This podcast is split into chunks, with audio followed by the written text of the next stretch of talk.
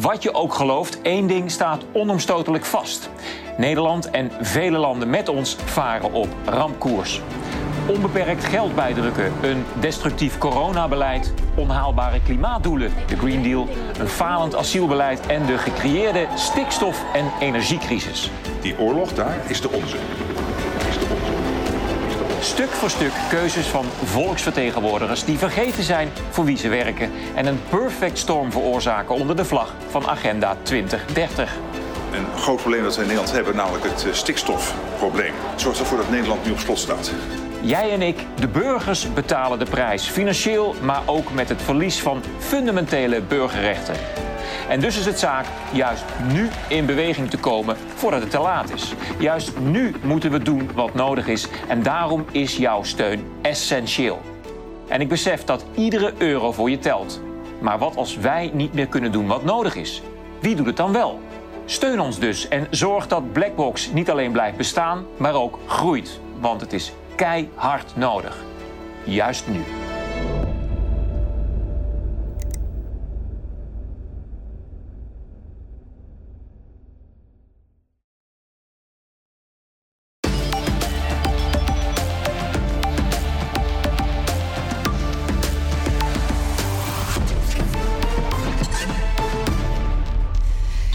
Gisteravond kwamen de Twitter-files deel 8 vrij. De files geven inzicht in de invloed van het Amerikaanse Pentagon op Twitter voor de overname van Elon Musk. Jurist en publicist Sietske Bergsma neemt de files onder de loep en zo ook de dubieuze samenwerking die Twitter had met de FBI. Uit de notulen van de Europese Commissie zijn hele andere conclusies te trekken ten aanzien van het stikstofdossier dan Nederlandse politici en media verkondigen, aldus chemicus professor Jaap Hanekamp. Volgens minister Christiane van der Wal zijn de strikte maatregelen te danken aan de EU en Agenda 2030, maar niets blijkt minder waar als we kijken naar de stukken. En de overheid wil het waterpeil bij boeren op veengrond verhogen tot 20 centimeter onder het maaiveld. De grond wordt hierdoor agrarisch onbruikbaar, maar het zou jaarlijks 1 megaton CO2-uitstoot besparen. Wetenschapsjournalist Riepke Zelmaker dook in het dossier waarbij de boeren het water letterlijk en figuurlijk aan de lippen komt te staan. Het is vandaag woensdag 21 december. Mijn naam is Senna Orshi en je kijkt naar Blackbox Today.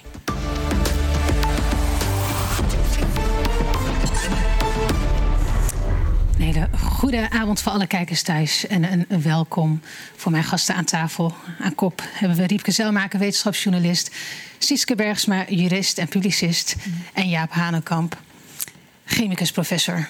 Welkom, fijn dat jullie er zijn. We beginnen met het nieuws van de dag. Bij jou, Riepke. Ja, een uh, opmerkelijke uh, assertieve autoriteit persoonsgegevens die nu in één keer gaat uh, zeggen tegen de politie van jullie krijgen een boete, want jullie hebben privacy geschonden door in Rotterdam was dat door woonwijken te rijden met een 360 graden camera en om daarmee dus te handhaven op of iedereen wel anderhalve meter handhaaft. Zo opmerkelijk dat ze daar nu juist mee komen. En die, die ja, soort selectieve assertiviteit zou je bijna kunnen zeggen. Dus nou wordt er uh, ja, 50.000 euro belastinggeld van het ene overheidsloket uh, nou. heel mooi naar het andere uh, loket gesluist. Ja, heel uh, opmerkelijk nieuws. En er is een les geleerd dat het ook nooit meer gebeurt, toch? Dat er nooit meer surveillance oh, zou komen overheid... vanaf de politie? Nou ja, ja nee, daar zeg je iets heel ja. moois inderdaad. Want bij al die, die demo's, dan zeg je... Het, het is echt een uh, betrekkelijk jong fenomeen... dat alle polities ook mm. met allemaal van die helmcamera's zijn uitgerust. En dat ze dan vervolgens via data-analyse... dus hè, ze hebben jouw gezicht al gezien... dan word jij al in een database opgeslagen van... ja, iemand die mogelijk een risico zou kunnen gaan vormen. Hè. Dat is dat Syrië-wetsvoorstel waar Wouter Koolmees eerst al mee kwam. Dat is weer herverpakt in een ander uh, beleidsvorm. Dan, kan, je, dan wordt jouw, kan jouw gezicht bijvoorbeeld matchen met op Facebook. En dan kunnen ze je alsnog weer uh, kunnen ze je in ieder geval in een uh, risicodatabase stoppen. Ja. Dus het, ik denk niet dat het over is, maar de overheid Meer profileert zichzelf nu in ieder geval weer even als zijnde... wij maken ons echt zorgen over privacy. Dus we moeten het in elk geval. En dan komen we bij jou, Sietske. Wat is jouw item? Uh, mijn item gaat over een stemming die er gisteren zou zijn in de Eerste Kamer. Uh, voor een wetswijziging, een grondwetswijziging zelfs. En hier staat de stemming over discriminatie uitgesteld door politiek spelletje tussen aanhalingstekens van de PVV. Nou, we hoeven niet helemaal in te gaan of dat dan politiek spelletje was of niet. Maar de PVV wilde in ieder geval een hoofdelijke stemming doen in de Eerste Kamer. Kondigde dat pas heel laat in de avond aan. Tot grote frustratie van andere partijen. Want er was een hele tribune met mensen, activisten waren erbij. Want wat, wat zou er gisteravond besloten worden? Dat de, het artikel 1 van onze grondwet zou worden aangevuld met nieuwe gronden. Dat is de antidiscriminatiewet of artikel in de grondwet. En daar zou behalve ras en politieke overtuiging... Uh, zou daar dus ook handicap bij komen en seksuele oriëntatie. Dus dat zou dan een... Een seksuele handicap? Of een... Ja, dat zou je dan misschien ook nog oh. een soort van combinatie kunnen maken. Maar in ieder geval, de, terwijl, uh, terwijl artikel 1 van de grondwet is eigenlijk al een artikel... wat gaat over allen in Nederland, hè, mogen niet worden gediscrimineerd. Gelijke gevallen. Hè? Dus in gelijke op gevallen. wat voor gronden dan ook. Op wat voor gronden dan ook. Dus uh, net als die boete van de politie van die 25.000 euro, is dit ook natuurlijk een beetje voor de bühne. Het is een beetje show, uh, ja, showpolitiek eigenlijk wat hier wordt gevoerd. Wat natuurlijk heel erg past bij de huidige woke.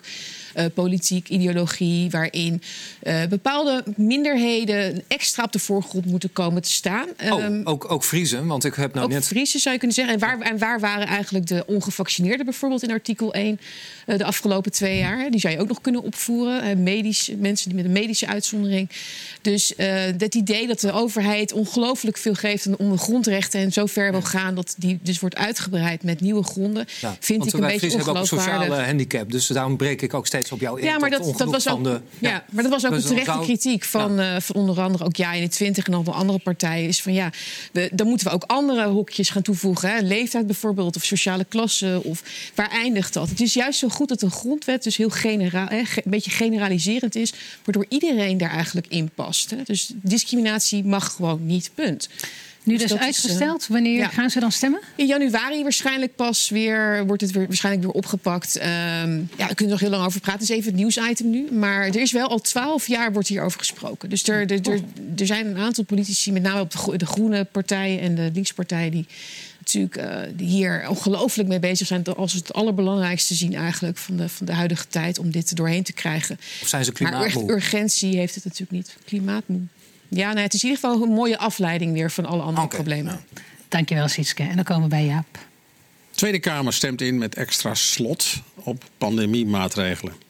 Het gaat over de wet publieke gezondheid die uh, door de Tweede Kamer heen moet. En de Kamer is wat kritisch over alle maatregelen die uh, deze wetgeving impliciet mogelijk maakt als er een, een pandemie weer zou uitbreken. ook mogelijkheden om maatregelen te treffen die niet expliciet in de wet staan, bijvoorbeeld. Dat is een van de thema's waar het natuurlijk over gaat. Het idee is, we kunnen niet overal uh, alles beschrijven, dus we moeten ruimte houden om maatregelen te nemen die uh, on the spot bedacht moeten worden. Uh, en daar is de Kamer gelukkig kritisch op.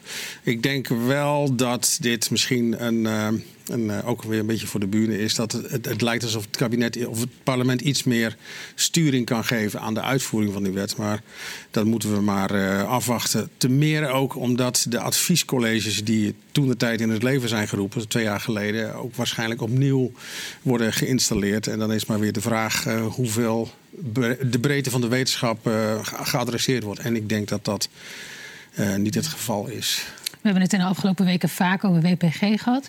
Zijn jullie verrast dat het er doorheen is gekomen?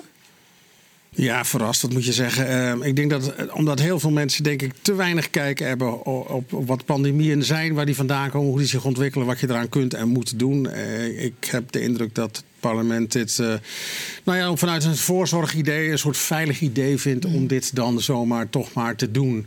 In feite um, de macht ook weer een beetje prijsgeven aan, aan colleges die daar van wijze mannen en vrouwen uh, om, om, daar hun adviezen uit te onttrekken. Ik vermoed dat um, dat daarmee te maken heeft, inderdaad. Ja, dus ja. even terug naar die wet waar je het net over had. De, er is nu dus besloten dat ze extra maatregelen mogen nemen zonder nu al te weten wat die maatregelen dan zijn. Ja, daar komt het eigenlijk eigenlijk om neer. En dat is op zich begrijp ik, je niet alles in, in wetten en regels vastleggen. Ik bedoel, uh, waarom zou je ook? Uh, maar dit geeft dan wel weer te denken. De maatregelen die genomen zijn, zijn ook nooit echt. En daar heb ik het vorige keer over gehad toen ik hier was. Uh, niet echt getoetst op effectiviteit. Hebben ja. ze gewerkt? heeft het geresulteerd in minder doden of, of andere eindpunten? Dus het is me heel erg de vraag of dit überhaupt tot iets leidt dan alleen maar misschien meer macht voor, uh, voor de overheid in Nederland. Dus we moeten het afwachten, we zullen zien. Dankjewel, Jaap Hanekamp.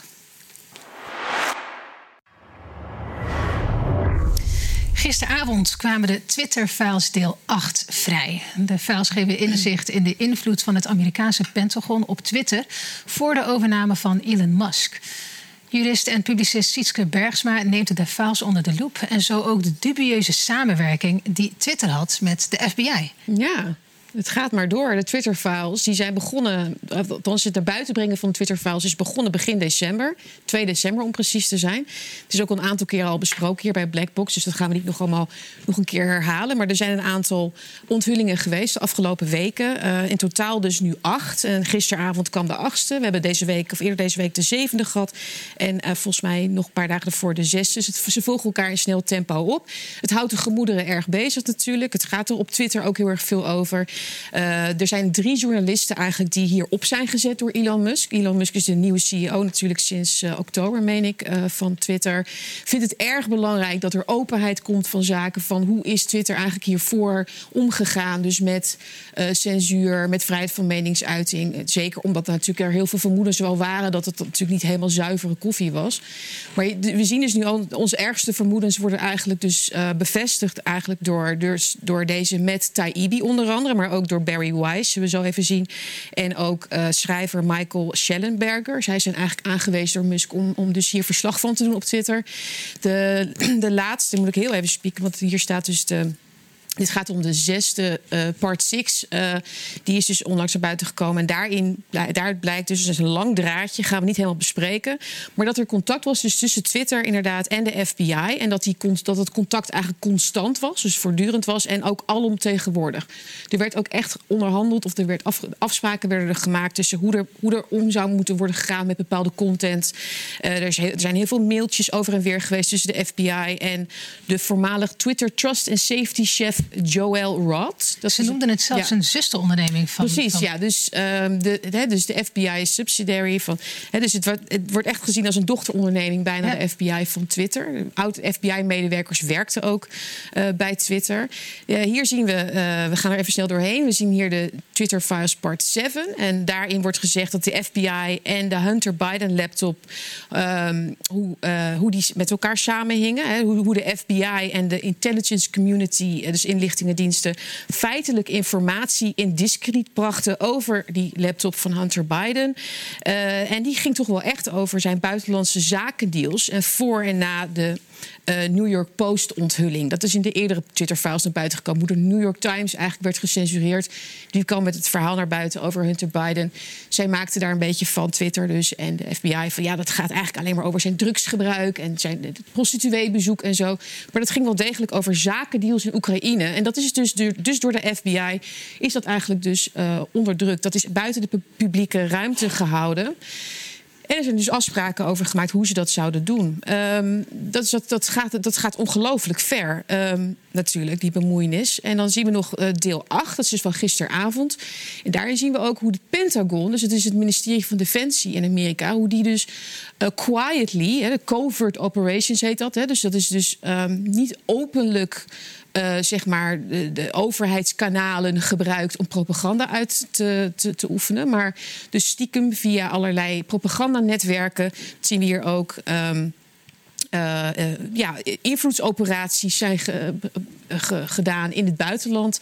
Dus om dus ook ja, de, de werkwijze van de, de Amerikaanse militaire ja, die, hoe zeg je dat? Operaties. Dus uh, om de mening daarover, de publieke opinie daarover te beïnvloeden in het buitenland. Arabische kanalen. Nou, dat noemen we dan de PSY-ops, zeg maar, de psychologische operaties. Dat zijn e enorme propagandanetwerken. Nou ja, dat. dat um, Dat is, dat is nogal wat. Dit, dit, dit is even in het kort dus nog maar wat, wat er de laatste paar dagen naar buiten is gekomen. Hm. En dat komt dus bovenop wat we al hebben geleerd over het shadowbannen. Wat zij dan de sensit, ja, hoe noemen ze het ook alweer? Dat weet ik even niet. Nou, Kom maar mag, op, ik, maar, mag ik ja. inbreken eh, van de, de kijkers? En Visibility van- filter, Ja. zo noemen ze Sensibility filters, beetje semantische discussie. Ja. Hè, want Twitter heeft ook in het verleden ontkend. Wij shadowbannen helemaal niet. Maar Nee. bedoel je dat ze dan Ja. één bepaald type nieuws voortrekken dan op het andere? Dat dat hoger komt, zoiets? Absoluut. Ze doen Ah. a- eigenlijk alles wat je kan bedenken is gebeurd. Hè? Dus dat, van, van, van alle Twitter-files kun je dat wel inmiddels stellen. Bepaalde dingen worden uitgelicht, bepaalde dingen worden onderdrukt. Mensen worden natuurlijk eraf gegooid. We hebben dat bij Trump gezien. Trump is ook gewoon actief eh, in overleg ook weer eh, met, intelligent, met intelligence eh, services. Hebben ze ook besloten om. eh, Trump er dus af te halen.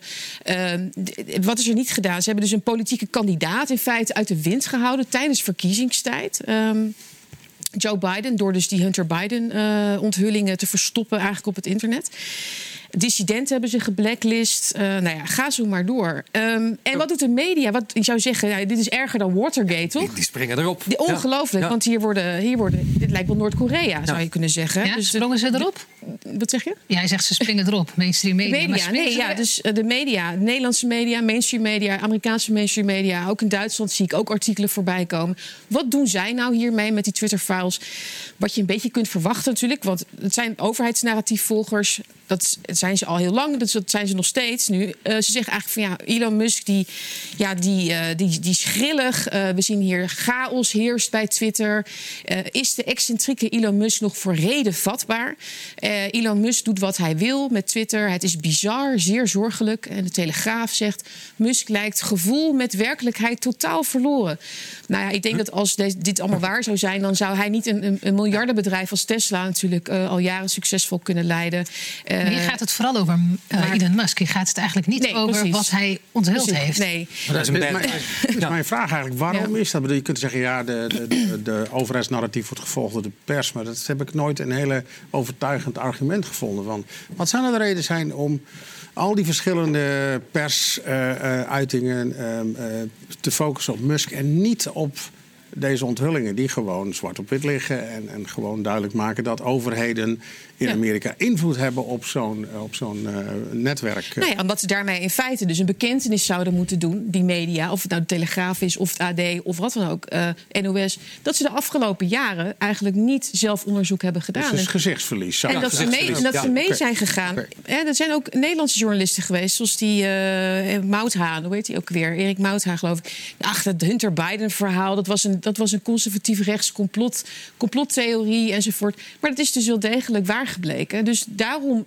ja, het is heel moeilijk natuurlijk voor deze mensen om ja, te, toe te geven van ja, wij zaten er dus blijkbaar naast. Wij zijn ook misleid. Wij zijn ook met een kluitje in het riet gestuurd. Doordat wij ook maar een selectie krijgen te zien van, van het nieuws via Twitter. Ja, maar, als is- we dan een andere selectie te zien krijgen van Elon Musk, nieuwe Ja. eigenaar van Twitter, dan alsnog wordt het niet opgepakt. Waarom is dat? Ja, ik vind dat, ja, ik vind dat fascinerend. Ja. Om daar, ik, ik sta er naar te kijken. Ik bemoei me hier niet zo heel erg veel mee. Ik volg het een beetje op afstand. En ik vind, ja, dat is op zich interessant. Waar- Ja, en ze, waarom schieten, ze schieten zich hiermee ook in hun eigen voet, denk ik. Want ik denk dat de media eh, eh, veel meer schade lijden eigenlijk door het wegkijken hiervoor. Denk het ook. Dan dat ze Elon Musk hiermee kunnen pakken. Want die, je, je merkt ook aan hem, het, het raakt hem helemaal niet. Hij zegt ook, ik hoef niet per se de CEO van Twitter te zijn. Ik ga trouwens ook iemand anders daarvoor aanstellen. Heel iemand die gek van genoeg Denk ik. hij, maar, hij, hij gaat hier natuurlijk doorheen, een beetje als een olifant in een porseleinkast. Hij heeft duidelijk niet ehm, ja, die, die behoefte om, om het spelletje mee te spelen, zeg maar, zoals, de, zoals het oude, voormalige Twitter, Twitter-top. Hij wil, hij wil echt die vrijheid van meningsuiting. Ja, misschien is het eh, dat wel. Dat dat soort, dat soort mannen Ja. of dat soort mensen het spelletje niet spelen. En dus Ja. niet mee mogen doen. Als het ware, net als vroeger op het schoolplein. Jij bent raar, jij mag niet meedoen. Ja, het zijn beetje, hele zo. gewone men- menselijke mechanismen ook. Was, Ja. ehm, ik, ik zag ook, dat vond ik ook heel grappig. En dan zie je ook een soort terugtrekkende beweging om prestigeverlies te voorkomen.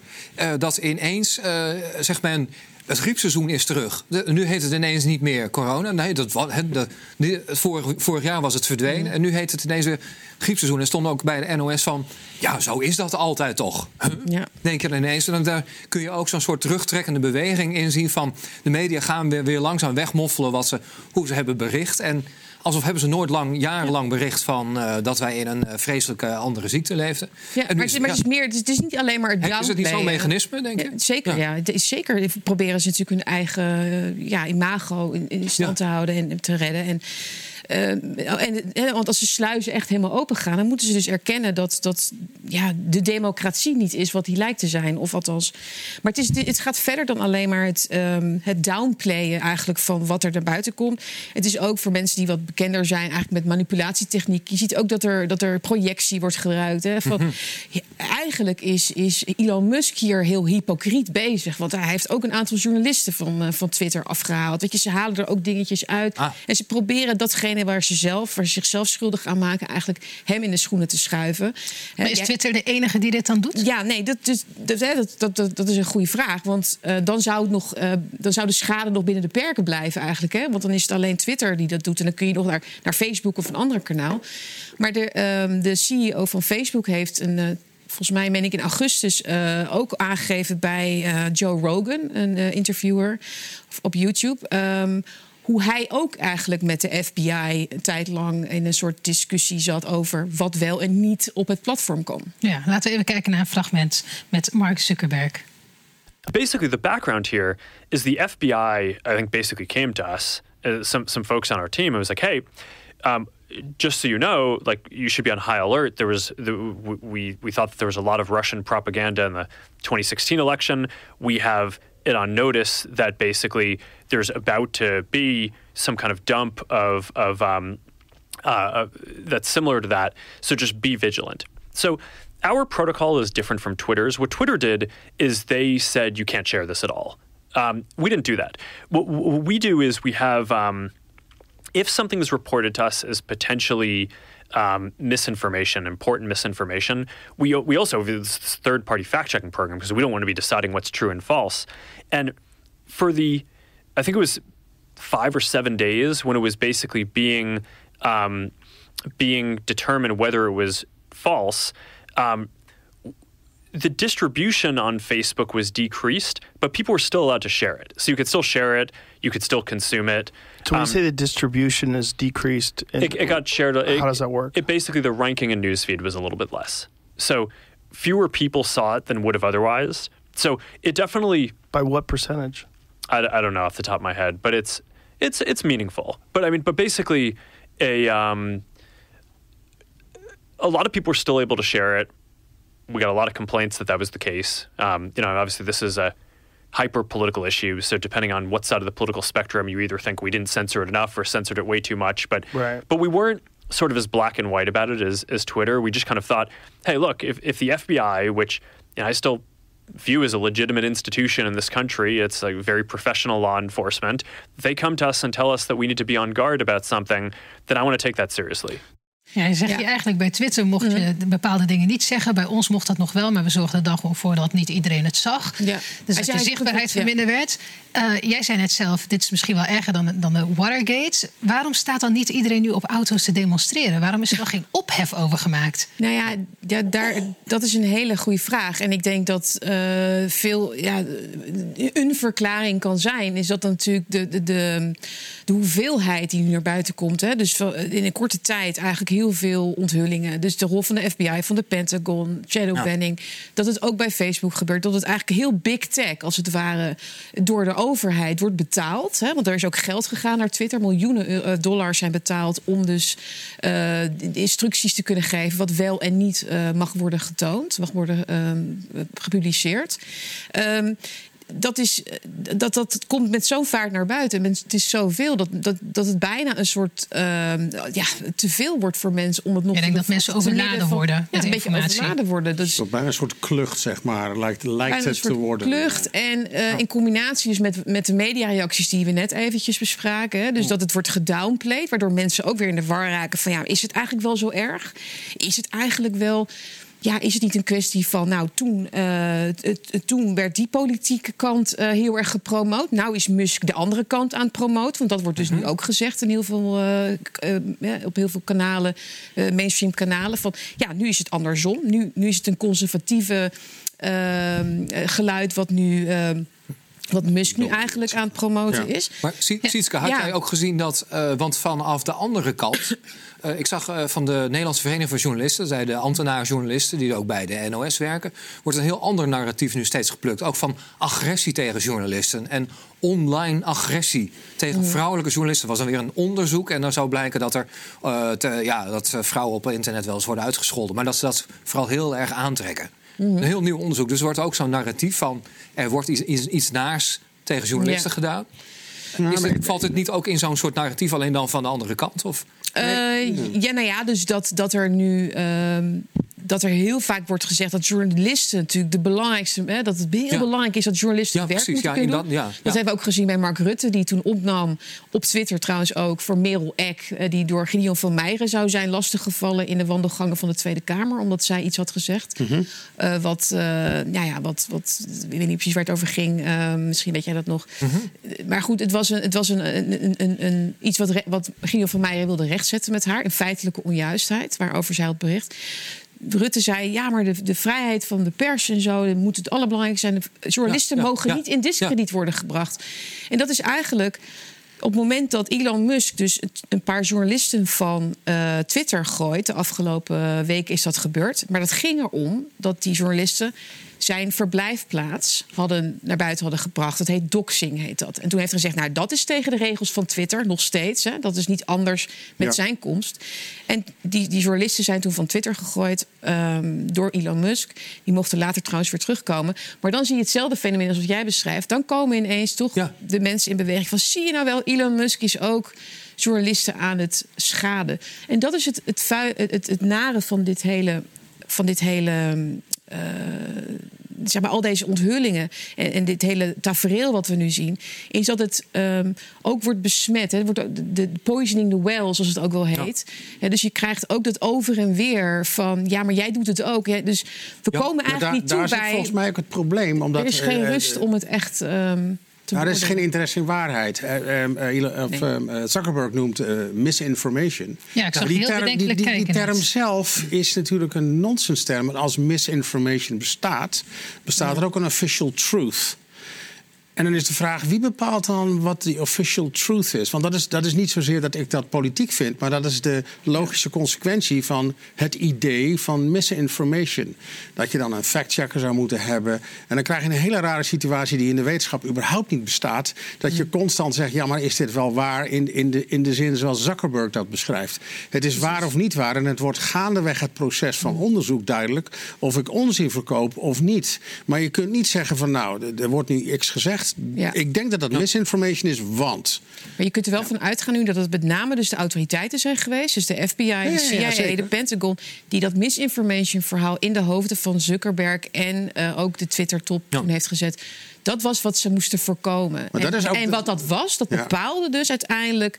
de, de, de, de, de inlichtingendiensten bepaalden wat er wel niet was. Hè. Of dat Russische inmenging was, of, was dat, of andere medische desinformatie was. En je ziet hier ook duidelijk bij Zuckerberg... dat hij daar bevattelijk voor is geweest. Van ja, als het dat is, ja, dan wie, wie ben ik dan om dat, om dat te betwisten? Um, Sietske had het net vooral over ja. kritiek vanuit de media... maar ook vanuit instituties. Precies, ja, er, is, er wordt natuurlijk wel wat... Uh, gevraagd door journalisten de afgelopen tijd aan uh, instituten inderdaad ook. We, deze week was er een uh, opvallende uitspraak van een van de volgens mij de V. De secretaris-generaal van de Verenigde Naties, als ja. ik het goed heb. Ja. Dus laten we even kijken naar een fragment van Antonio Guterres. The question is to have clear rules. Clear rules that we need to establish in order for responsibilities of uh, social media platforms to be clarified. We live in a kind of a uh, uh, legal void in which these platforms can do whatever they want. can convey whatever they want, and there are no legal consequences. We're very disturbed um, by the arbitrary suspension of accounts of journalists uh, that we saw on Twitter. Uh, media voices should not be silenced on a platform that professes to be a space for freedom of speech. We, you know, from our standpoint, the move sets a dangerous precedent at a time when journalists all over the world are facing censorship, uh, physical threats, and even, even worse. partisanen waren. En wat deze laatste meneer zegt, is wat ik net bedoelde. Dat ze dat eruit lichten. Die journalisten, die mogen, moeten we beschermen. Die worden bedreigd. Terwijl dat is maar een heel klein onderdeel eigenlijk van wat er afgelopen week is gebeurd en wat er naar buiten is gekomen uh, aan, uh, mag ik wel zeggen, misdaden, uh, het corruptie, ja. Ja. Een, een, groot corruptieschandaal. Want laten we het zo even noemen, waar is in Noord-Korea, denk ik, met jaloezie naar kijken inmiddels. Dat, dat, ja, dat de top eigenlijk, de deep, de, de deep state zou je kunnen zeggen, de swamp, de globalisten eigenlijk hiermee weg kunnen komen. Althans, tot, tot nu. maar ook die, die, die secretaris-generaal zegt ook, die projecteert ook hè, in feite van de, de we zitten hier met een juridische ja. leegte, een legal void. Als er, als er een, um, een, een, een, schaduwregering is wat zich niet houdt aan de juridische regels, dan is het wel, uh, dan is het wel die, die regering uh, en niet de mensen op het platform van Twitter. die wel degelijk de vrijheid van meningsuiting heel belangrijk vinden. De mensen die daar werken, denk ik. Dus dit is een duidelijke vorm van projectie, gaslighting, als mensen die term kennen. Um, ja, um, hij kaapt toch gewoon het narratief van Het kaapt het narratief, ja. En, uh, er is hier niets te zien. Er is hier niets te zien. Ja, maar um, ook nog, nog veel erger. En vervolgens beschuldigt hij eigenlijk degene waar ze het niet mee eens zijn van datgene wat ze zelf doen. Dat hebben we bij de overheid ook ja. veel gezien de afgelopen tijd. Ja, ze zeggen ook altijd, als je wil weten ja. wat ze doen, aan, hè, wat onze grote leiders doen, ja. dan moet je gewoon kijken waar ze, waar ze hun vijanden van beschuldigen. En dan weet je ongeveer hoe het zit. Maar zij gebruiken dus die, uh, die legal void eigenlijk om via heimelijke operaties, dus achter de schermen bij Twitter, het manipuleren van mensen die daar werken, ze overtuigen dat het desinformatie is en zo op die manier eigenlijk ja, het, het het wereldwijde, kan je wel zeggen, het wereldwijde gesprek eigenlijk te frustreren over hele grote belangrijke thema's. En zo de koers van de geschiedenis ja, te, te, te breken eigenlijk of te veranderen. En dat vind ik heel, heel zorgelijk. Tot zover updates in Twitter Files deel 8. Dankjewel, Sietske Bergsma. Uit notulen van de Europese Commissie zijn hele andere conclusies te trekken ten aanzien van het stikstofdossier dan Nederlandse politici en media verkondigen. Al dus chemicus professor Jaap Hanekamp.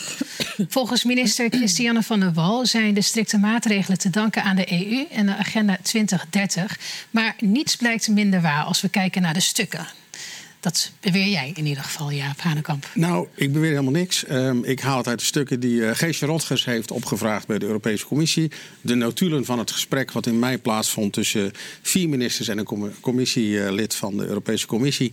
Um, en die zijn gisteren uh, uh, verstuurd aan, aan Geesje. Ik heb ze hier voor me liggen en daar moeten we maar eens een kijkje naar nemen. Um, zeg maar een soort vergelijk maken met wat uh, in de pers naar buiten is gebracht over, uh, over deze ontmoeting, die overigens lang achter de schermen is gebleven. Dus dat op zich geen probleem. Maar de, het beeld wat opgeroepen is, is wel heel anders. In ieder geval meldt uh, minister Van der Wal dat met maximale kracht, bestuurlijke kracht zou je kunnen zeggen, in Brussel is aangedrongen op, op, een, op een beleid wat, wat Europees houdbaar zou zijn. Dus Van der Wal zegt dat het stikstofbeleid belangrijk is dat we met maximale kracht naar Brussel zijn gegaan. Vier ministers tegelijk.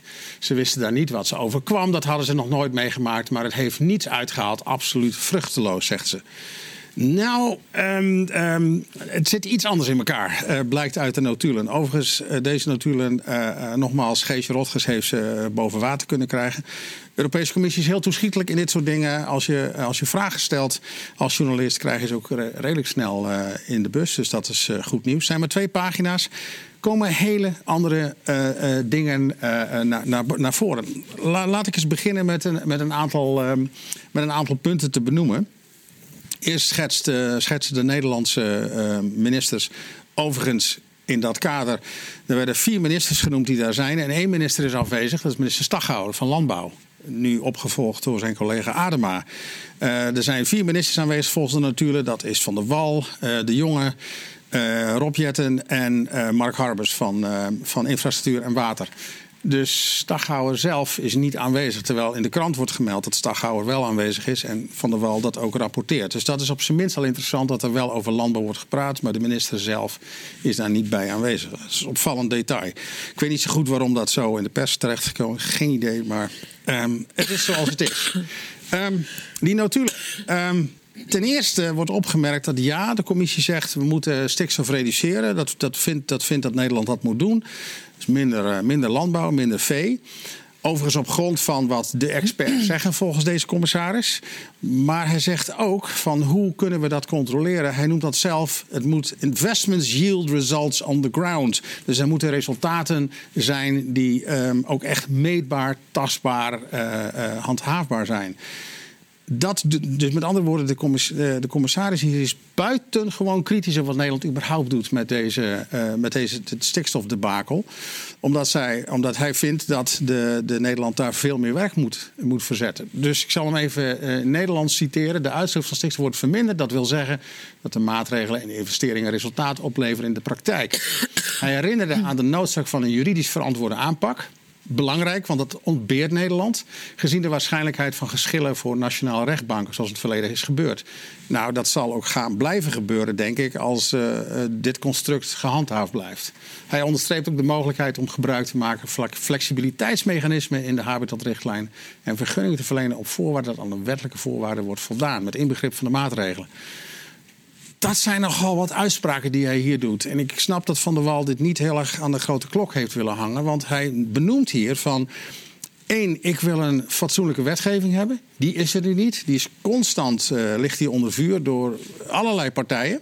En het moet meetbaar zijn?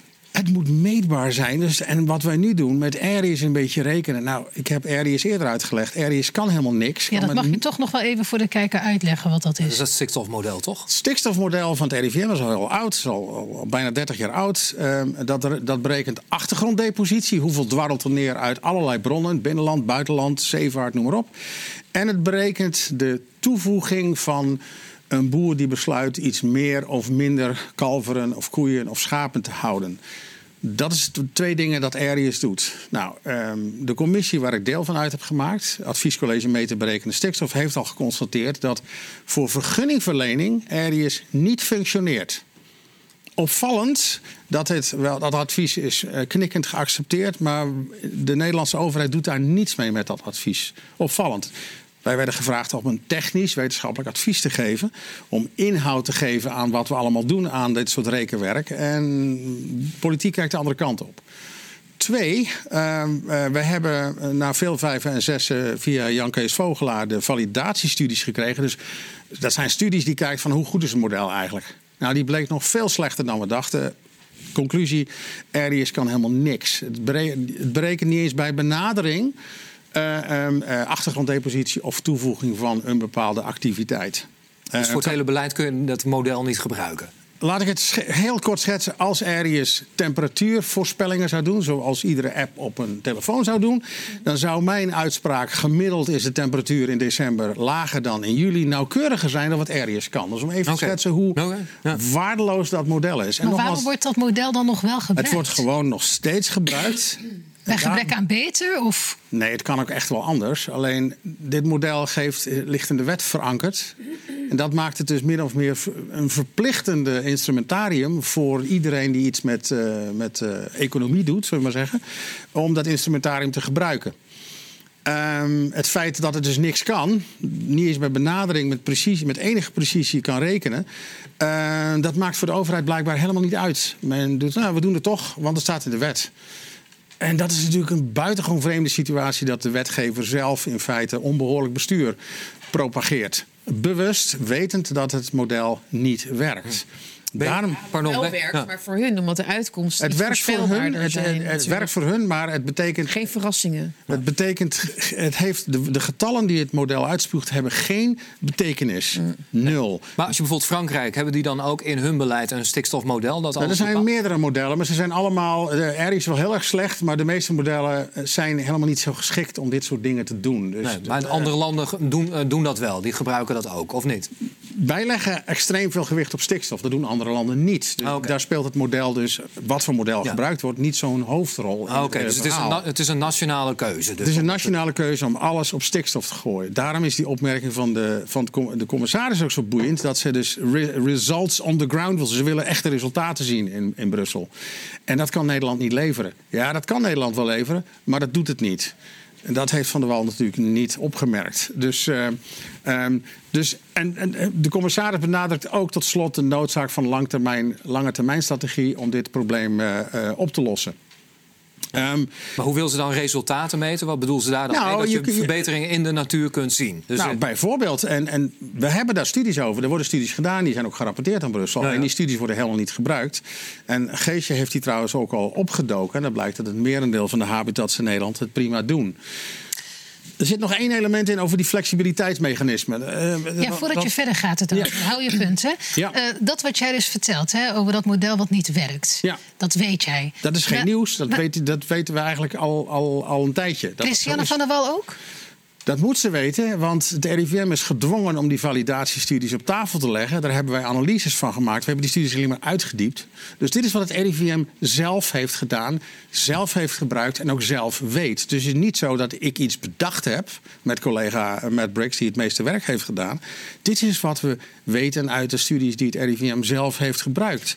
Dus dat is helemaal geen nieuws. Alleen niemand wil het daarover hebben, omdat als je ergens schrapt dan valt het hele stikstofbeleid in duigen. Dan blijft er niets van over. En dat is dus echt een probleem voor de politiek. Men wil graag op stikstof koersen. Men doet dat via zo'n model. En dat kan dus niet. Dat kan niet vanuit eh, het oogpunt van dat het model niks, eh, op geen enkele wijze iets kan leveren wat bruikbaar is. Dat hebben we ook gezegd als commissie trouwens, dat het Ja. niet bruikbaar is. Maar dan zegt de EU, we willen, we willen resultaten zien. Ja. Maar dan weet zij toch ook van, ja, dat, dat, dat kan niet Nee, dat, met dit dat- model. daar, daarom eh, heel veel, heel veel krokodillentranen in de pers. Maar de commissaris zegt iets anders. Zegt van, ik wil eigenlijk van jullie nou eens zien hoeveel resultaten jullie boeken. Daar willen we het toch even niet over hebben. Want men weet dus blijkbaar in Den Haag heel goed... dat Arius niks kan leveren waar de commissaris eigenlijk om vraagt. Dus ik vind het een fascinerend spanningsveld... tussen een veel kritischer Brussel dan wij in Nederland zijn... met een vraag die wij niet willen beantwoorden. Nee. En dat is fascinerend. Maar het is toch eigenlijk veel simpeler. Zij roepen nou huil, huil, wij moeten van Brussel. Maar het gaat uiteindelijk om een nationale keuze. Ja, Dat dus het, is, het moet dus- helemaal niet van Ja, Brussel. Kun je dat al liegen noemen? Of? Nou, je zou het inderdaad eh, verzwijgen van de waarheid kunnen noemen. En misschien Ah, is dat ook liegen. Ehm, ehm, maar waar het dus om gaat is dat in feite eh, eh, niet Brussel de schuldige is... maar kabinet zelf Ja, hier nee, schuldig exact. aan Ja. heeft. Ja. Dus je kunt Brussel niks in de schoenen schuiven. Nee, want dat zijn- blijkt nu ook uit dat document. Ja, eh, ze, ze maken glashelder wat Nederland te doen staat. En in ieder geval een fatsoenlijk juridisch framework maken. Die is er gewoon niet. Eh, ehm, elke keer is er gedoe over, elke keer zijn er rechtszaken. En dat geeft er precies aan dat wij gewoon falen op alle vlakken om, eh, om natuurbeleid te voeren. En dat betekent dus ook dat we helemaal geen natuurbeleid voeren. Dat doen we niet. We zijn bezig met stikstofbeleid. Nou, daar heb ik het eigenlijk al eerder over gehad. Eh, Stikstof is natuur, natuur is stikstof. Dat is een beetje het idee wat men wil propageren. En in feite is mijn conclusie dat het kabinet helemaal niet geïnteresseerd is in natuurbeleid. Gewoon niet. En dat is wel een, eh, een treurige conclusie eigenlijk. Dat zij eh, veel meer werk zouden moeten verzetten. Ja, maar eigenlijk kun je dat toch ook al om je heen zien. Als je ziet hoe onder Rutte het landschap al is afgetakeld. eh, dat natuur, dat het landschap niet e- op één zou zijn. Of Ja, dat, ja, weet je, dat, zo kun je dat omschrijven. Ik probeer het wat op wat een abstracter niveau te bekijken. En zeg Mhm. van, dit is er aan de hand. De commissaris is vrij duidelijk wat hij wil, wat hij Ja, wil zien. En de Nederlandse kant zegt van, ja, ja, maar we kunnen niet anders rug tegen de muur. Nou, dat is er absoluut niet aan de hand. Hij noemt ook eh, de flexibiliteitsmechanismen in de habitatrichtlijn. Er zijn een aantal dingen. Ehm, omvang van habitats. Hoe kleiner het habitat, hoe minder interesse Europa daarin heeft. Doen we niks mee. Twee, eh kosten-batenanalyse. Hoeveel levert eh, investering in, in natuur op wat betreft de natuurontwikkeling? 2020, 10 december, is er een eh, motie aangenomen met het verzoek aan de regering: doe kosten-batenanalyses. Oh ja. Er is niks mee gebeurd. De commissaris vraagt er expliciet naar. Doe dat. Doe die assessments. Dus met andere woorden, het is inderdaad een verbijsterende opsomming. Als je die not- dit zijn de notulen van het gesprek. eh, eh, eh, waarin eh, de, de regering blijkbaar eh, de kaken op elkaar heeft gehouden. om dat vooral niet naar buiten te brengen. Dat, is, eh, nou, dat vind ik op zijn minst eh buitengewoon plezierig. want het gaat toch ook om een bedrag van 28 miljard, hè? Ja, 35 miljard is een beetje discussie Ja, ja, over. Ja. En in feite weet je niet waar je het daaraan uitgeeft. Nee. Men- Men Oh, kan in Den Haag niet zeggen wat dat oplevert Nee. eh, in termen van natuur of achteruitgang van de boerenstand, economie, eh, voedselprijzen. Er is niets bekend over die investeringen. Oké, voor drie keer de Joint Strike Fighter, zeg maar. Ja. Ehm, ehm, men geeft gewoon uit omdat men uit wil geven. Ja, Eh, ja. Zo'n geld verbranden om het geld verbranden. En verder gebeurt er helemaal niks, Nee, nee, niks nee. mee. En ik vind het opvallend dat de commis- commissaris daar expliciet naar vraagt. Doe dat. Ja. Doe dat wel. En blijkbaar wil Nederland dat, dat dus niet. Dus voor de euroceptische partijen eh, toch een lichtpuntje. Nu moeten we het zelfs van de commissaris hebben en niet van onze eigen politici. Eigenlijk wel. Eh, Opvallend hoe, hoe scherp en kritisch hij is eh, in, in, dit, in dit document. Dus eh eh, Geesje heeft goed werk gedaan. eh. Ja. En ook de Europese Commissie wat dat betreft. Dus, Ja, in de notulen staat ook dat eh, de discussie op technisch niveau verder voortgezet moet worden. Ja, Wat wordt daarmee bedoeld? Nou, er zijn een aantal dingen die, eh, die eh, kunnen gebeuren. We hebben het al over die, eh, hoe de habitatrichtlijn moet geïmplementeerd worden. Maar ook technische ondersteuning in hoe beleid ontwikkeld kan worden. Er zijn tal van, daar is, daar is het de commissaris niet expliciet over... maar er zijn tal van dingen die, die aan, aan bod kunnen komen. Aardig is dat in de pers dan staat... ehm, ehm, dat de, eh, eh, de vier ministers met een kluitje in het riet zijn teruggestuurd. Nou, dat is absoluut niet waar. De Europese Commissie biedt haar diensten aan eh, in de context van wat hier beschreven staat. Dus in die zin vind ik het buitengewoon vreemde opmerking dat wij, dat wij gedwongen worden van Brussel om dat stikstofbeleid door te voeren. Want dat is het punt helemaal niet in, de, in, in die discussie gebleken. Dus dat, dat is wel een, een, een probleem. En, en daar zie je ook in dat dat ehm, stikstofverhaal gaandeweg doorcijpelt naar allerlei andere beleidsterreinen. Om maar een soort eh, eh, perspectief te schetsen dat we dit wel moeten doen. Want anders kunnen we al die andere mooie dingen die we willen in Nederland, als huizenbouw en, en- Ja. en allerlei andere dingen, niet doen. Ja, je noemde net al de naam en je eh, prees ook de naam Geesje. Dan heb je Ja. het over Geesje Rotgers. Geesje Rotgers, ja. Eh, landbouwjournalist, die hebben we ook onlangs in een uitzending gehad. Toen lieten we ook een video zien van de toekomstplannen voor het stikstofbeleid. Eh, daar hebben we nu een korte fragment van. Laten we er even naar gaan kijken en daarna met jou erop terugreflecteren. Ja. Met betrekking tot de landbouw streeft het kabinet naar een sterke landbouwsector in 2040. Waarvoor in het eerste kwartaal van 2023 een landbouwakkoord moet klaar liggen. Hiervoor heeft het kabinet de uitspraken van Remkes omarmd om met de boeren in gesprek te gaan over hun toekomst. We moeten die uitstoot drastisch verminderen. En tegelijkertijd zorgen dat er toekomst is voor onze mooie agrarische sector. eh, Die ook wereldwijd terecht in hoog aanzien staat en ook wereldwijd eh, voorop loopt. Omtrent stikstofreductie blijft de eenmalige vrijwillige regeling voor piekbelasters gelden, waarmee ze forse stikstofreductie hopen te bewerkstelligen. Piekbelasters in de buurt van Natura 2000 gebieden moeten daarvoor op korte termijn hun stikstofuitstoot grotendeels of in zijn geheel terugdringen. Waarbij indien nodig een zogeheten verplichtend instrumentarium zal worden ingezet. Eh, wellicht is er dan behoefte aan een verplichtend instrumentarium. Nou, ik zeg dan stoppen, dan zegt u, dan vult u het in. Wat kan een ander onderdeel zijn? Hoe, hoe, hoe kan een ander Oh, er zijn verplichtend- allerlei mogelijkheden waar je dan naar kan kijken om ervoor te zorgen dat je, als het toch nog nodig zou zijn als sluitstuk, maar nogmaals, Kunt u wij noemen denken- dan? Want nee, dat ga ik niet doen, dat want dat niet willen we juist met de boeren uitwerken. Volgens de regering een moeilijke boodschap, maar ook de enige manier om de stikstofreductie te behalen. Waarbij de vraag is wat de toekomst zal zijn voor de boeren die niet meegaan in de verduurzaamheidsplannen van de regering. Hoe zie jij je toekomst dan? Ja, ik heb geen flauw idee. Ik heb voor mezelf van de zomer maar bedacht... ik, ik doe gewoon alsof ik gek ben. Ik, we trekken gewoon ons plan wat we, naar waar we een aantal jaren eh, geleden op ingestoken hebben.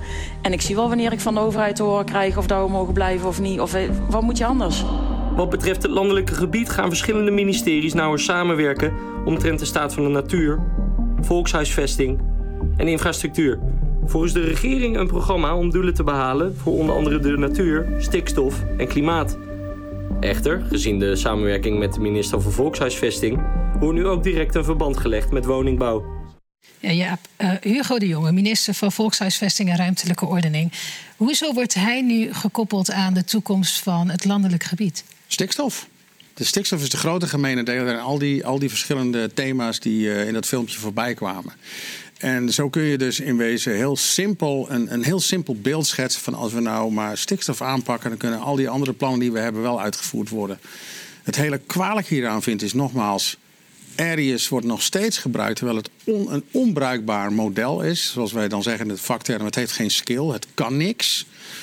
Uh, twee, uh, uh, misschien heeft Hugo Jonge daar een, een patent op. creëert hij een soort vijandschap tussen burgers die huizen willen en boeren die dat maar blokkeren, want stikstof.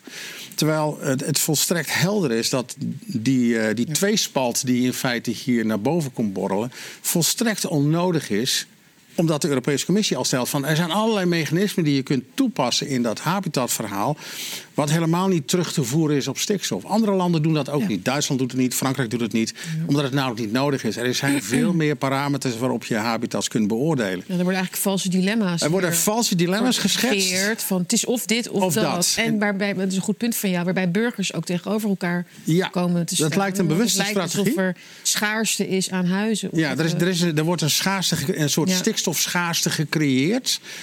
Notabene met behulp van een rekenmodel wat niet in staat is om überhaupt dit te kunnen. Mm. Uh, waardoor een soort vals dilemma, ik denk dat dat een hele goede term is, een vals dilemma wordt opgeroepen in het publieke debat, waarin de boeren dan inderdaad uh, uh, de, de zwarte piet krijgen toegespeeld. En ik vind dat een buitengewoon kwalijke zaak, omdat het wetenschappelijk nergens op gebaseerd is. Het bijzondere is dat steeds de wetenschap hier aan bod is. Hè. De wetenschap zegt dit, de wetenschap zegt dat. Maar in feite kun je nu zien dat dit hele spel in feite één grote science denier veld is geworden. Waarin wetenschappelijke kennis die wij gewoon ontsloten hebben. Uh, uh, onbruikbaar is geworden, net zoals bij die Twitter-files. Gewoon de waarheid is niet interessant meer. Er wordt niet meer met waarheid gesproken, omdat het namelijk, het moet um, efficiënt zijn. Het moet werken in het politieke spectrum. Precies, wat het ons politieke, bevalt. spel, het politieke spel domineert. Uh, Ja, en dat, dat, is, dat is iets als, als academicus, als, als, als kerkmens, als christen, word ik daar echt zo naar van. Dat waarheid onder, ondergesneeuwd wordt in het politieke spel. En nu, in dit spe specifieke geval, um, uh, doet de politiek dat bewust. Dat weet men dat men dat doet. En die, dat creëren van die vijandschap, dat is uh, wie wint zaait zal storm oogsten. En misschien is dat de bedoeling, misschien niet, dat weet ik helemaal niet. Maar dat is wel het resultaat van dit, dit spelletje wat gespeeld wordt. Hm, zeker. Terwijl we weten dat het niet zo kan en niet zo werkt. Zelfs de Europese Commissie merkt dat op. Die zegt van betere wetgeving, betere kostenbatenanalyse, betere uh, uh, analyses van je resultaten. Dus al datgene waar ik zeg van ja, zo zou het moeten, dat wordt, daar wordt niet over gesproken in Nederland. Ik vind dat een zeer kwalijke zaak. Chemisch professor Jaap Hanekamp, dankjewel voor jouw bijdrage.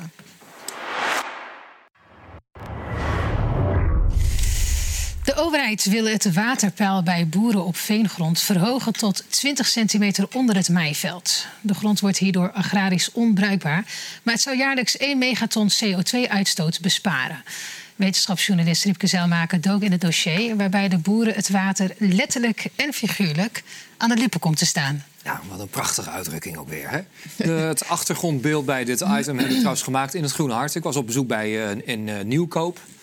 En um, ja, er is al sinds 2002, he, je hebt al een platform slappe bodems. Dus het hele idee dat veengrond inklinkt, uh, dat bodemdaling volgt bijvoorbeeld door ontwatering. He, want dan oxideert het veen, dus dan klinkt het in. Nou ja, oxideert is niks anders dan dat veen, he, dat is gewoon turf. Wordt het dan dat dat, uh, nou, dat CO2 uitstoot. Dus eigenlijk een vorm van biobrandstof. Oud probleem. He. Uh, maar wat je ook daar zag, uh, als je dan vervolgens in nieuwkoop ook kijkt, uh, het is ook maar net waar je bent. Kijk, als, een, als de grond van zichzelf al vochtig is, klinkt er juist niet in. En er worden ook bouwpercelen bij nieuwkoop in het Groene Hart voor wel een miljoen euro worden uitgegeven. Dus zou die grond daar zo slecht zijn en alsmaar inklinken, dan kon je die grond ook niet verkopen voor 1 miljoen euro. Dus toen ben ik ook gaan kijken naar, want nu kwam dus een uh, Kamerbrief van Mark Harbers. Die uh, kwam uit. Die was al door de Telegraaf uitgelekt. En toen kwam al. Ah, nog een probleem voor de boeren. Hè. Jullie worden straks onder water gezet, want het waterpeil wordt verhoogd. Uh, en ja, dat maakt het betreden met landbouwmachines en met zwaar groot vee maakt dat al onmogelijk. Um, maar waar is dat hele idee nou op gebaseerd? Zij zeggen dan van, hé, hey, wij gaan dan 1 miljoen ton CO2 besparen door een x aantal hectares. Door dat, uh, door dat uh, waterpeil op te hogen. eh, gaan we dan besparen? En toen ben ik in dat onderzoek gaan kijken, want ik zag al, hey, her en der is er zelfs helemaal geen bodemdaling, terwijl op andere plekken dat wel is. Maar nu wordt dat als één blok wordt dat voor die boeren neergezet. Hmm. En dat is op basis van Wageningse onderzoek, zeg maar één, eh, eigenlijk één studie van, eh, eh, op basis van één proefveld ook in het Groene Hart. En daar worden dan getallen genoemd. En ja, eigenlijk net een beetje het stikstofverhaal van Hanekamp ook. En dat wordt dan geëxtrapoleerd naar het hele landelijke gebied. En dan ruik je hem al, hier is er weer een verdienmodel in de maak. Laten we daar dan ook volgens maar even naar kijken. In het, eh, dus we hadden eh, de brief van eh, Harbers hebben. En dat komt van het kennisportaal Klimaatadaptatie. Ik denk dat we dat nu wel even kunnen zien. Hè, we bewegen toe naar een grondwaardestand van 20 tot 40 cent, eh, centimeter onder het maaiveld. Ehm, en dan, eh, dat kun je ook zien die, die, eh, die bij die veenweiden, hè, die ik net dus al liet zien. Als het goed is, kunnen we dat nu weer, ja, weer opnieuw kijken. Hè. En die brief, dat was wel heel grappig. Hier heb je de topambtenaar van het ministerie van Mark Harbers. Die koppelt hier ook weer verschillende dossiers aan elkaar. Ze noemen die, dat, die aanpak ook, waarbij ze dus die boeren onder water zetten... noemen ze ook de, de bodem- eh, en wateraanpak van het kabinet. En eh, wat veel media ook niet hadden opgemerkt... is na, eh, naast dat ze dus die boeren uit naam van klimaat... eh, dus eigenlijk in de bedrijfsvoering willen aantasten... Uh, ook moeten wij uh, minder drinkwater gaan gebruiken. Dus dat wordt ook aan elkaar gekoppeld in een totaal omvattend programma. Dus eigenlijk hetzelfde als wat we net bij Jaap ook zagen, wat uh, Hugo de Jonge ook aankondigt. Hier wordt het bodembeleid van boeren wordt gekoppeld aan watergebruik. En terwijl een datacentrum van Microsoft bijvoorbeeld in de Wieringermeer 80 miljoen kub, of, water mag gebruiken, terwijl ze hadden gezegd 10 miljoen, moeten wij, bedrijven en burgers, moeten 20% minder water, drinkwater gaan gebruiken. Want wat stond daar ook in dat plan? En dat is weer te koppelen aan dat wij willen 1 miljoen huizen erbij. Uh, ze willen naar een massa-immigratie van uh, dat er 19 miljoen mensen komen te wonen in 2030. Stond ook in dat programma. Uh, dus hoe dan ook, er is ook gewoon grond nodig. Hè? Nou zie je weer die koppeling van die verschillende dossiers. Uh, ik kondigde net al aan van hé, hey, ik voelde hier al een verdienmodel aankomen. Ik was drie jaar geleden al in het Groene Hart geweest. En toen had ik al gezien... hey, ze zijn bezig met het oprichten van CO2-banken. Wat doen die CO2-banken? Dat werd door NGO's opgericht. Eén daarvan is, uh, de grote is uh, Common Land. Dat kun je hier ook zien. En Common Land, uh, die werkt nu ook... die hebben een andere stichting, Wij.land, opgericht. En die werken weer samen met de Rabo Carbon Bank van Barbara Baarsma. En die noemen ook exact datzelfde getal wat uh, Mark Harbers in zijn Kamerbrief noemt, van die 1 miljoen ton. Maar die hebben zij al een paar jaar eerder, uh, lieten zij die in hun eigen proefprojecten, uh, lieten zij die al zien. En wat willen ze dus gewoon doen? Nou ja, koppel dat weer aan die CO2-agenda. Een ton CO2, ieder bedrijf wordt straks gedwongen om daarvoor geld te betalen. Burgers worden daar ook voor gedwongen geld te betalen.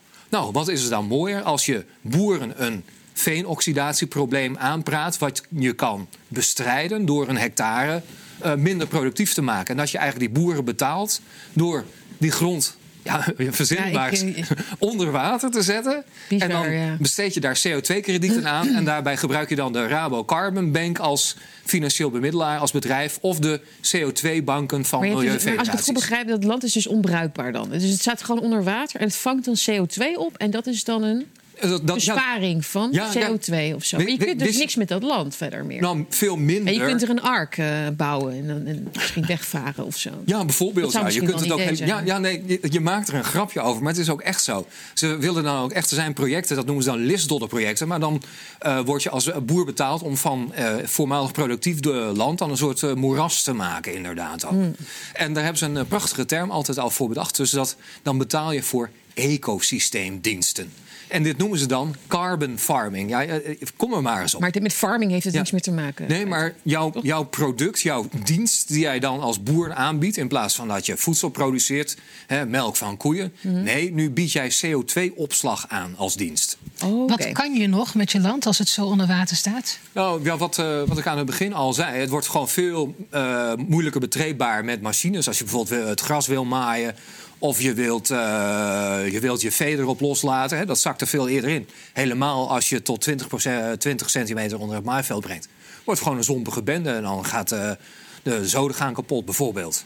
En je ziet dan ook weer de, dezelfde belanghebbenden. Ik noemde al Wageningen UR. Die heeft eigenlijk als het ware het probleem gecreëerd... en een wetenschappelijk vernisje daaromheen gebouwd. Terwijl als je ook kijkt, hè, ja, het is maar net in welk gebied ben je. In sommige gebieden is de bodem juist helemaal niet gedaald, omdat het daar van zichzelf al vochtig was. Maar er wordt gewoon één getal wordt geëxtrapoleerd en over het hele veengewijde gebied uitgesmeerd. En wat zie je dan vervolgens ook? Uh, ja, wie zijn dan weer de belanghebbenden? Naast Wageningen UR, die heeft het probleem gemaakt en biedt zichzelf als oplossing aan. De usual suspects weer. Kijk, we hebben natuurlijk een conctie van overheden. Natuurmonumenten, die ruikt natuurlijk ook weer een verdienmodel. Want die kan ook al mee profiteren van uh, die 28 miljard euro stikstofgelden. Dus andermaal, hier lopen weer verschillende dossiers prachtig in elkaar. Dus je kan stikstof gebruiken en CO2 uit veengrond om toch weer boeren uh, ja, uit bedrijf te wippen. En um, daar zijn ook al verschillende proefprojecten voor geweest. Nou ja, natuurlijk zit hier Stichting Doen natuurlijk weer bij de postcode loterij. Uh, Commonland is trouwens wel een interessante club. Want de directeur daarvan uh, is de oud-directeur van IUCN. Dat is een, uh, eigenlijk de moederclub van het Wereld Natuurfonds geweest. En de Nederlandse overheid, namelijk het ministerie van Buitenlandse Zaken, is daarvan mondiaal ook de grootste sponsor. En uh, achter de schermen bij hun opereert John Laudon. John Laudon is een uh, vriend van de Oranjes. En zijn voorvader die was ook weer een maatje van Prins Bernhard. Niet alleen ook de directeur van Shell, maar ook later zijn vervanger na de Lockheed-affaire. Toen werd hij de directeur ook van het Wereld Natuurfonds. Dus He, het lijkt, ja, wat zijn die clubjes nou? Maar nee, die, het zijn toch wel degelijk invloedrijke stichtingen... die hier al een jaar of tien eigenlijk naartoe werken. Dus het is ook niet nieuw. Um, dan kun je ook zien, er was een nationaal kennisprogramma bodemdaling ook al bezig. Hè, want ze lanceren dan allemaal uh, proefprojectjes. En dan lijkt het allemaal nog facultief. Je mag meedoen als boer. Maar ja, wat er nu dus gebeurt... Kijk, als het kabinet ik zal het nog wel even voorlezen. Hè, van in uh, valuta voor veen uh, in Friesland. En dat uh, is in het lage midden van Friesland. zet het waterpeil in agrarische gebieden omhoog. En voorkomt daarmee de uitstoot van CO2.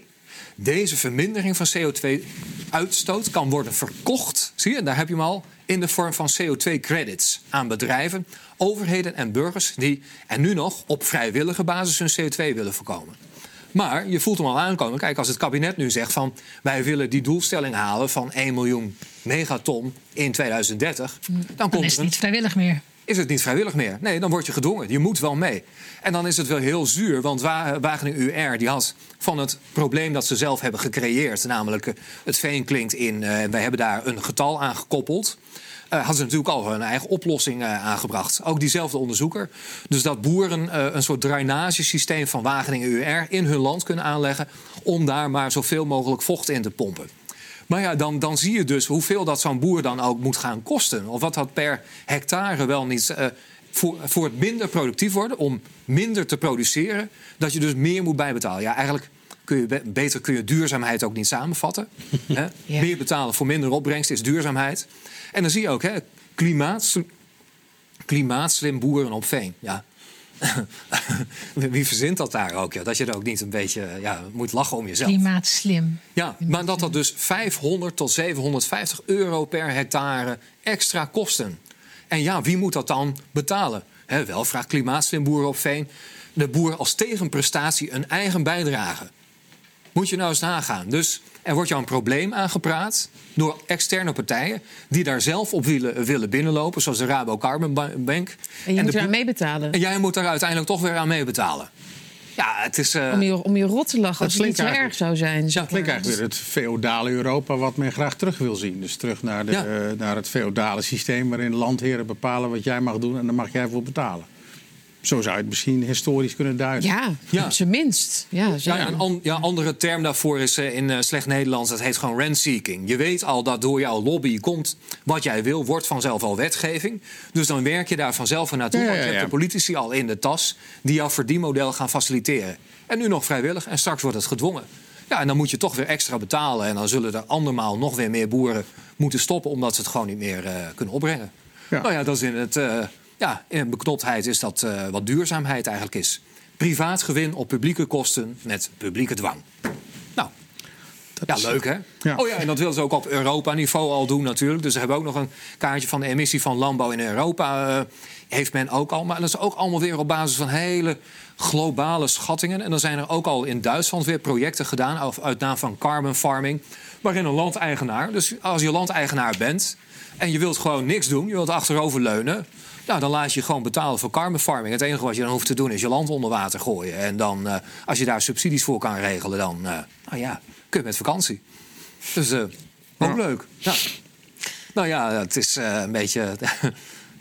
ja, ik vind het zo grappig eigenlijk dat je, dat je dit kan bedenken en je dan niet voor jezelf schaamt. Maar, en wat is de volgende stap daarna, denk ik dan? En dan gaan we dus gewoon land waar je op kunt produceren, gewoon onbruikbaar maken. Ja.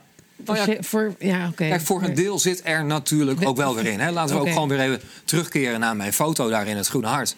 Er zijn wel degelijk gebieden waar die inklinking van de bodem... Hè, dat gaat net zo lang door tot het veen op de klei zit. Ja, dan heb je wel een serieus probleem. Dus ja, dat er op sommige gebieden wel degelijk iets aan die uh, bodemdaling moet worden gedaan, staat als een paal boven water.